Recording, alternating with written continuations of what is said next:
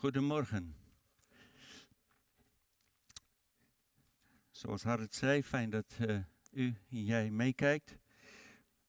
Ook uh, niet alleen wegwijzers. Ik heb begrepen dat er ook andere mensen zijn buiten onze gemeente en buiten onze streek. Uh, die ook iedere week meekijken. En ik wens jullie ook vanochtend Gods rijke zegen toe. Ik wil ook even in het bijzonder uh, onze Spaanse vrienden van het AZC uh, welkom heten.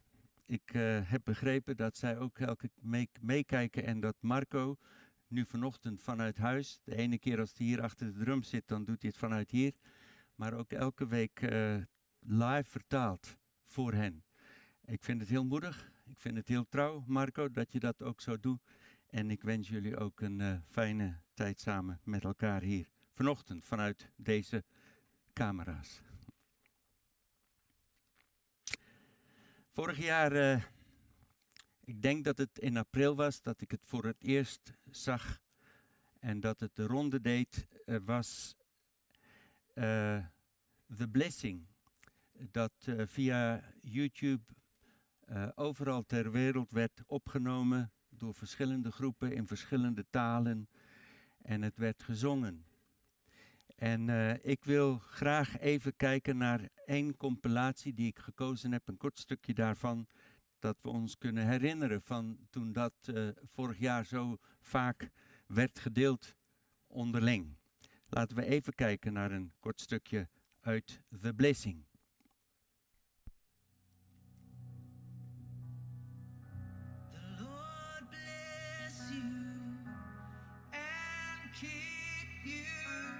Opnieuw beginnen weer.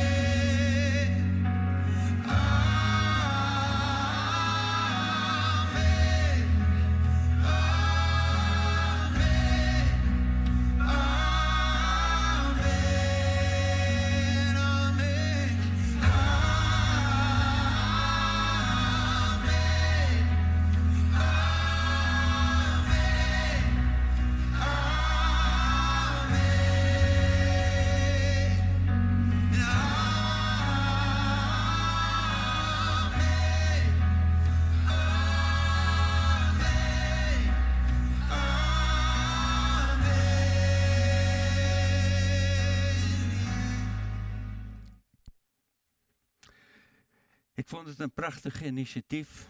Het raakte me ook toen ik zag hoe dat ze dat wereldwijd deden. Ik vind het knap hoe ze die dingen mee, met die ideeën naar boven komen, maar ook hoe ze dat dan in snelle tijd voor elkaar hebben. En dan vraag je je af, waarom doet dat, doen ze dat? Nou, dat weet ik niet precies.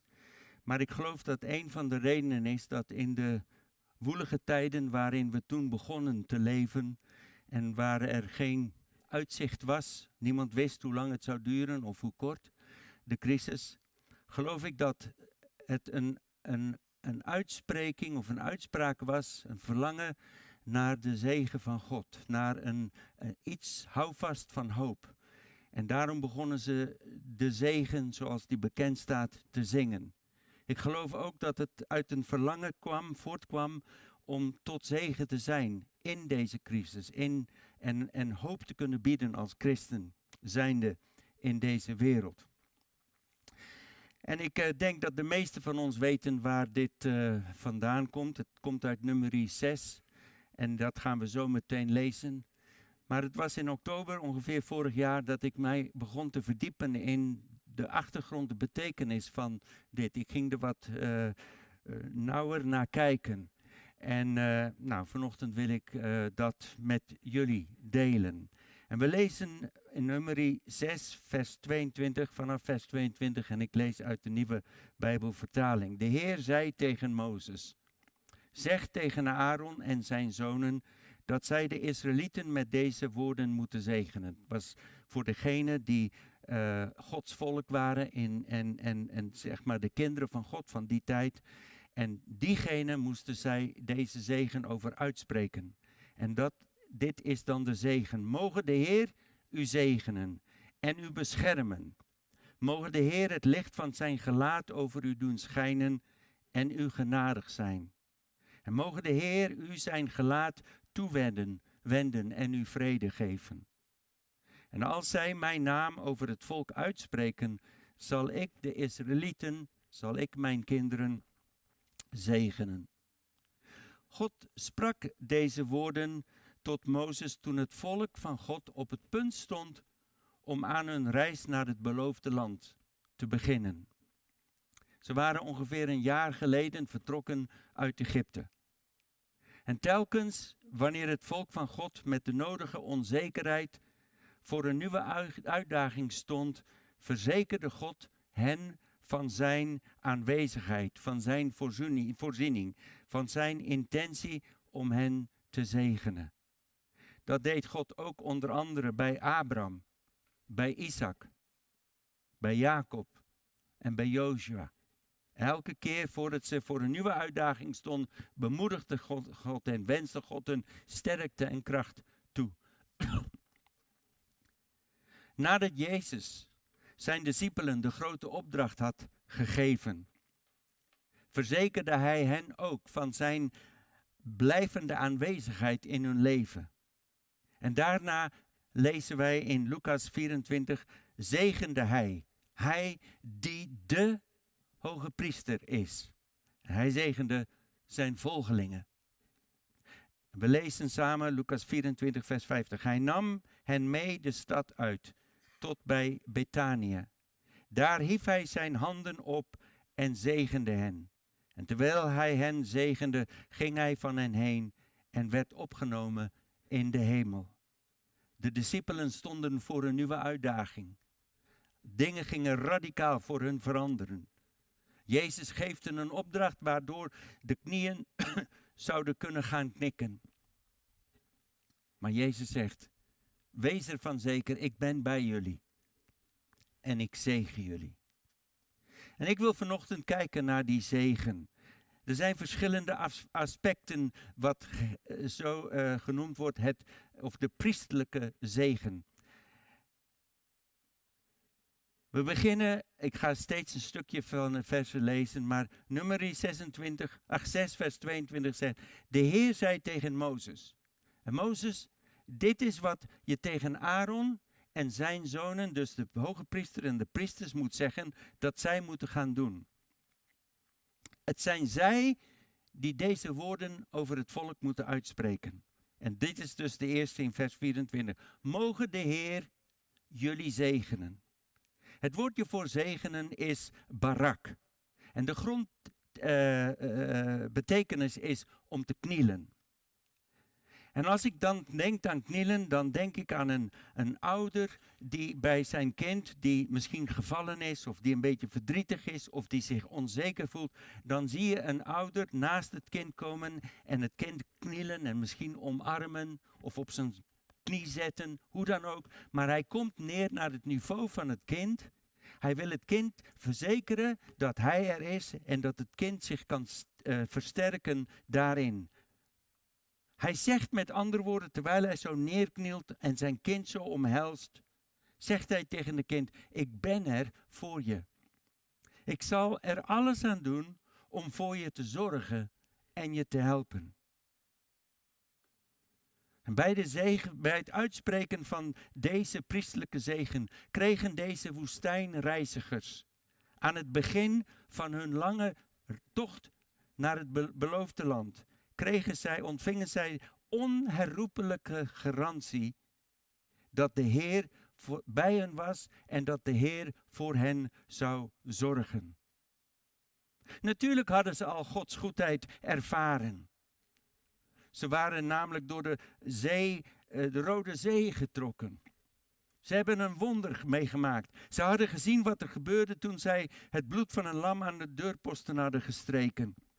En hoe dat de engel des doods voorbij hen aanging, maar dat er heel veel verwoesting om hen heen plaatsvond.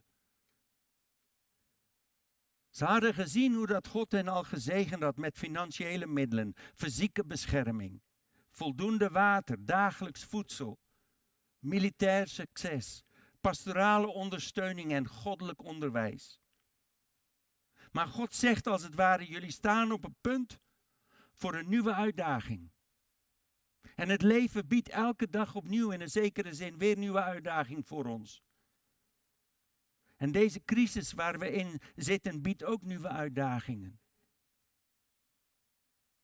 En dan kijken we terug naar hoe God ons altijd bij ons is geweest en ons door dingen heen heeft geholpen. En nu zegt hij, de Heer zegen jullie. Hij spreekt uit wat Gods verlangen is. En hij zegt, hij knielt naast je. Denk terug en dat zal je verzekeren dat hij ook zal voorzien. En dus aan het begin van reis, reis bood deze zegenverklaring hen opnieuw de zekerheid van Gods aanwezigheid en zijn voorziening. Dan het tweede gedeelte van vers 24. Mogen de Heer u beschermen.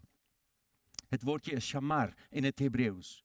En het betekent te bewaren, te behoeden, te bewaken, te beschermen en te verzorgen. Het achterliggende idee is dat van een haag dat gemaakt wordt van doornentakken. En dat moet je dan bij denken dat, dat uh, in, het, in, het, in het wild, in het open, dat als er bijvoorbeeld een herder is met schapen, dat er wolven zijn en andere roofdieren en dat die schapen beschermd moeten worden. Wat doet de herder dan? Dan maakt hij een, een, een kooi een, een, een schaapskooi als het ware.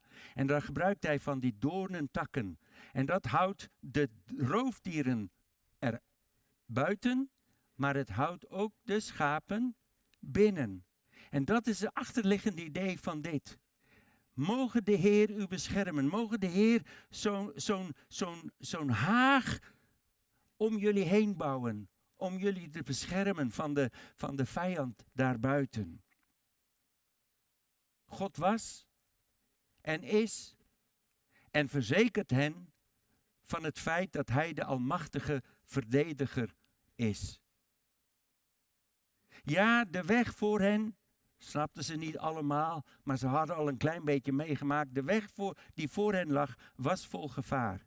Maar terwijl ze daar bij de Sinaï wachten, garandeerde God hun bescherming. In Exodus 23, vers 20 staat, ik stuur, waar God tegen hen zegt, ik stuur een engel voor jullie uit om je op je tocht te beschermen. Zelfde woordje. En je naar de plaats te brengen die ik voor jullie bestemd heb. Dat is Gods intentie. Gaan we verder naar vers 25.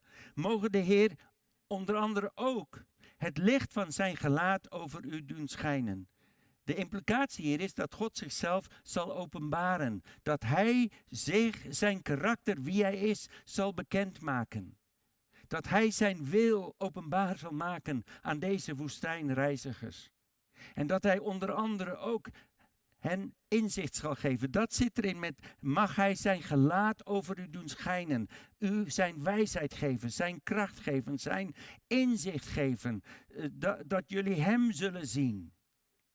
Het stralende gelaat of gezicht wijst op goedkeuring, genot en voldoening. De genadige uitstraling van God, waar zij nu waarvan zij te horen kregen hier, kwam tot zijn volheid in Jezus Christus. Want in Hebreeën 1, vers 3, daar staat: Jezus Christus, de Zoon van de levende God, is de afstraling van Gods heerlijkheid en de exacte afdruk van zijn wezen. Dat is waar dit allemaal naartoe werkte. Uitkijkende naar de dag dat Jezus zou komen hier op aarde. Om de Vader aan ons bekend te maken, om God almachtig aan ons te openbaren. En dat is wat bedoeld wordt wanneer ze zeggen van mag de Heer zijn aangezicht of eh, het licht van zijn gelaat over u doen schijnen. Mogen jullie de afstraling van God zien. En hij heeft zich geopenbaard als verlosser in Jezus. Hij heeft zich in Jezus geopenbaard als onze geneesheer, onze liefdevolle en voorzienende Vader, onze goede herder en ga maar door tweede gedeelte van vers 25 zegt, mogen de Heer u genadig zijn. Het oorspronkelijke woord betekent zich in vriendelijkheid neerbuigen. Het heeft iets van vriendelijkheid met zich. Het heeft iets van nederigheid in zich. En niet denken aan jezelf. Het betekent barmhartig, medelevend, gunstig gezind zijn. Vrij vertaald Mogen de Heer je welwillend aanzien met als doel vrijheid, herstel, genezing, welzijn en heelheid. Dat is wat allemaal zit in dat woordje genade. De genade van God. De genade van God is een van de grote thema's van de Bijbel. Komt steeds door dat God genadig is. En hier krijgt, krijgt Mozes te horen dat hij aan Aaron en de zonen van Aaron moet zeggen van Spreek dit gebed uit over deze mensen. Dat ik hen genadig wil zijn. Daarom zeggen jullie, mogen de Heer jullie genadig zijn.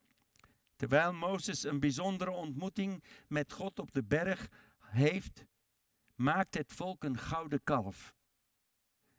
En die willen ze gaan aanbidden. En daarmee beledigde het volk de Heer.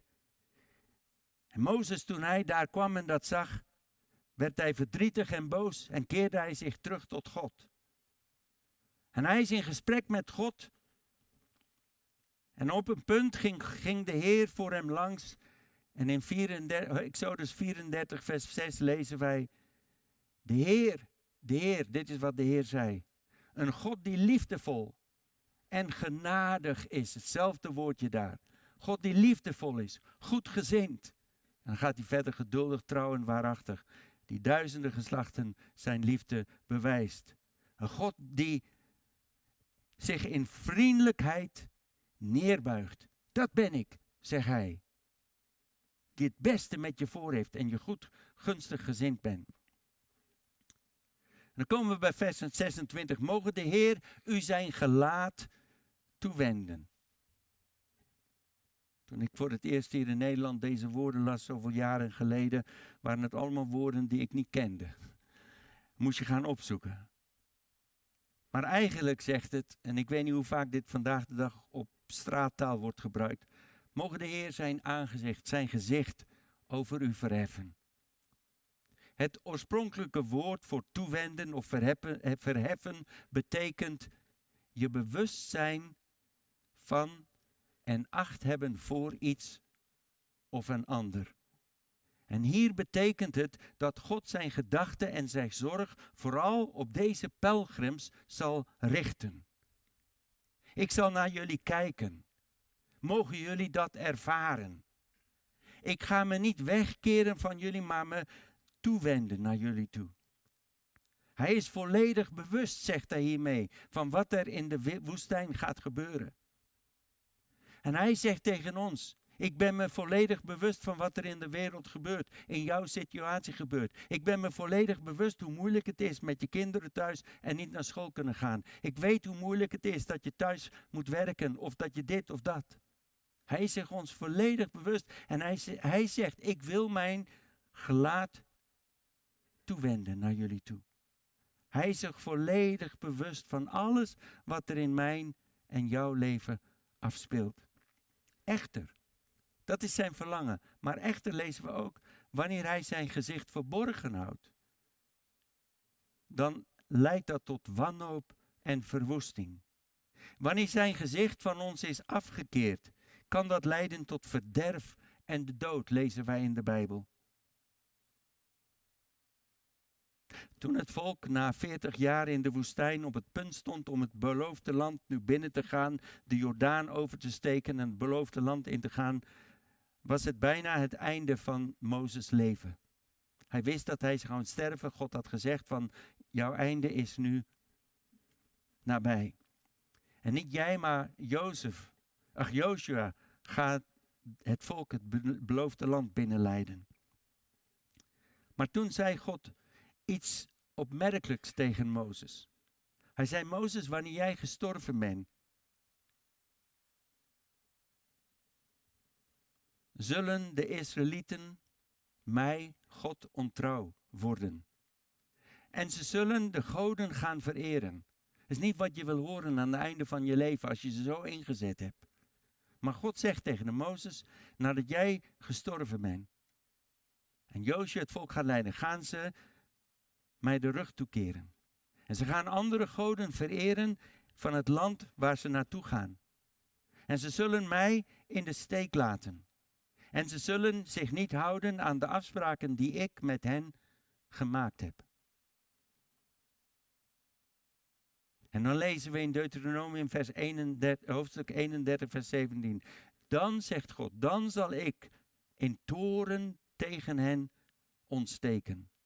Ik zal hen aan hun lot overlaten en me van hen afkeren.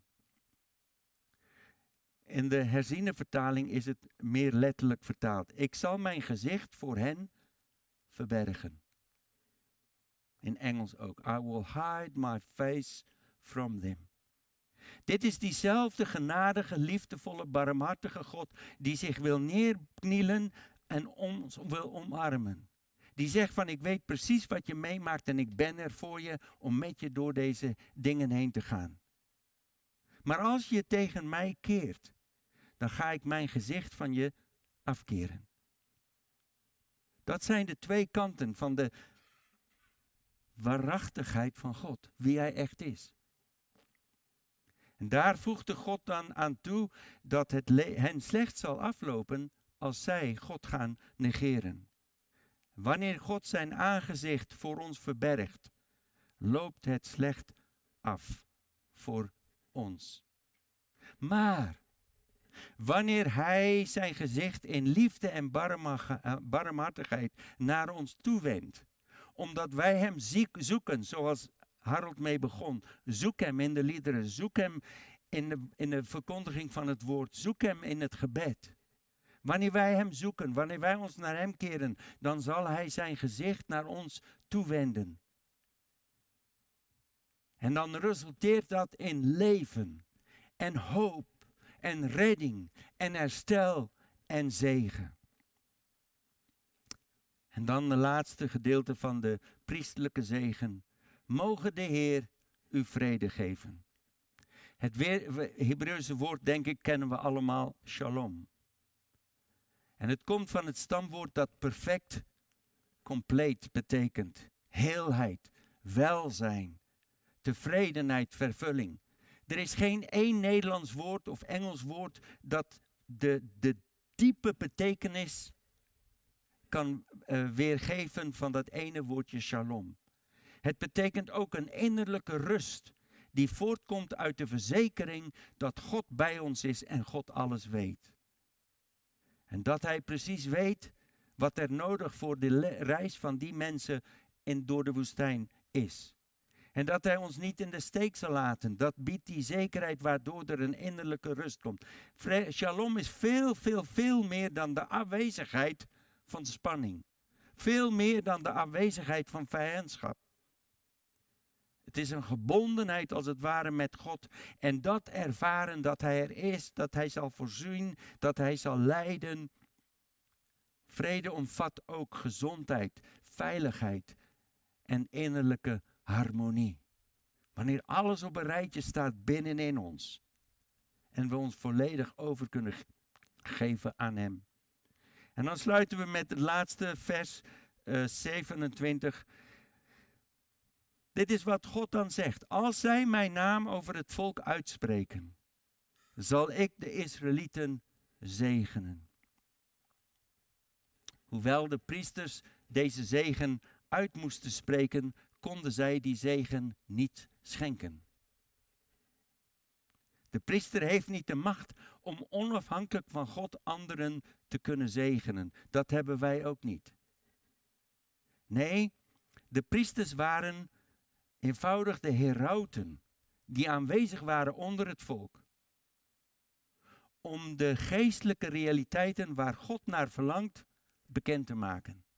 En zegt, dit is wat God wil en daar strekken we ons naar uit en daar richten we op, ons op en daar vragen we om en die ontvangen wij vandaag de dag in de naam van Jezus Christus.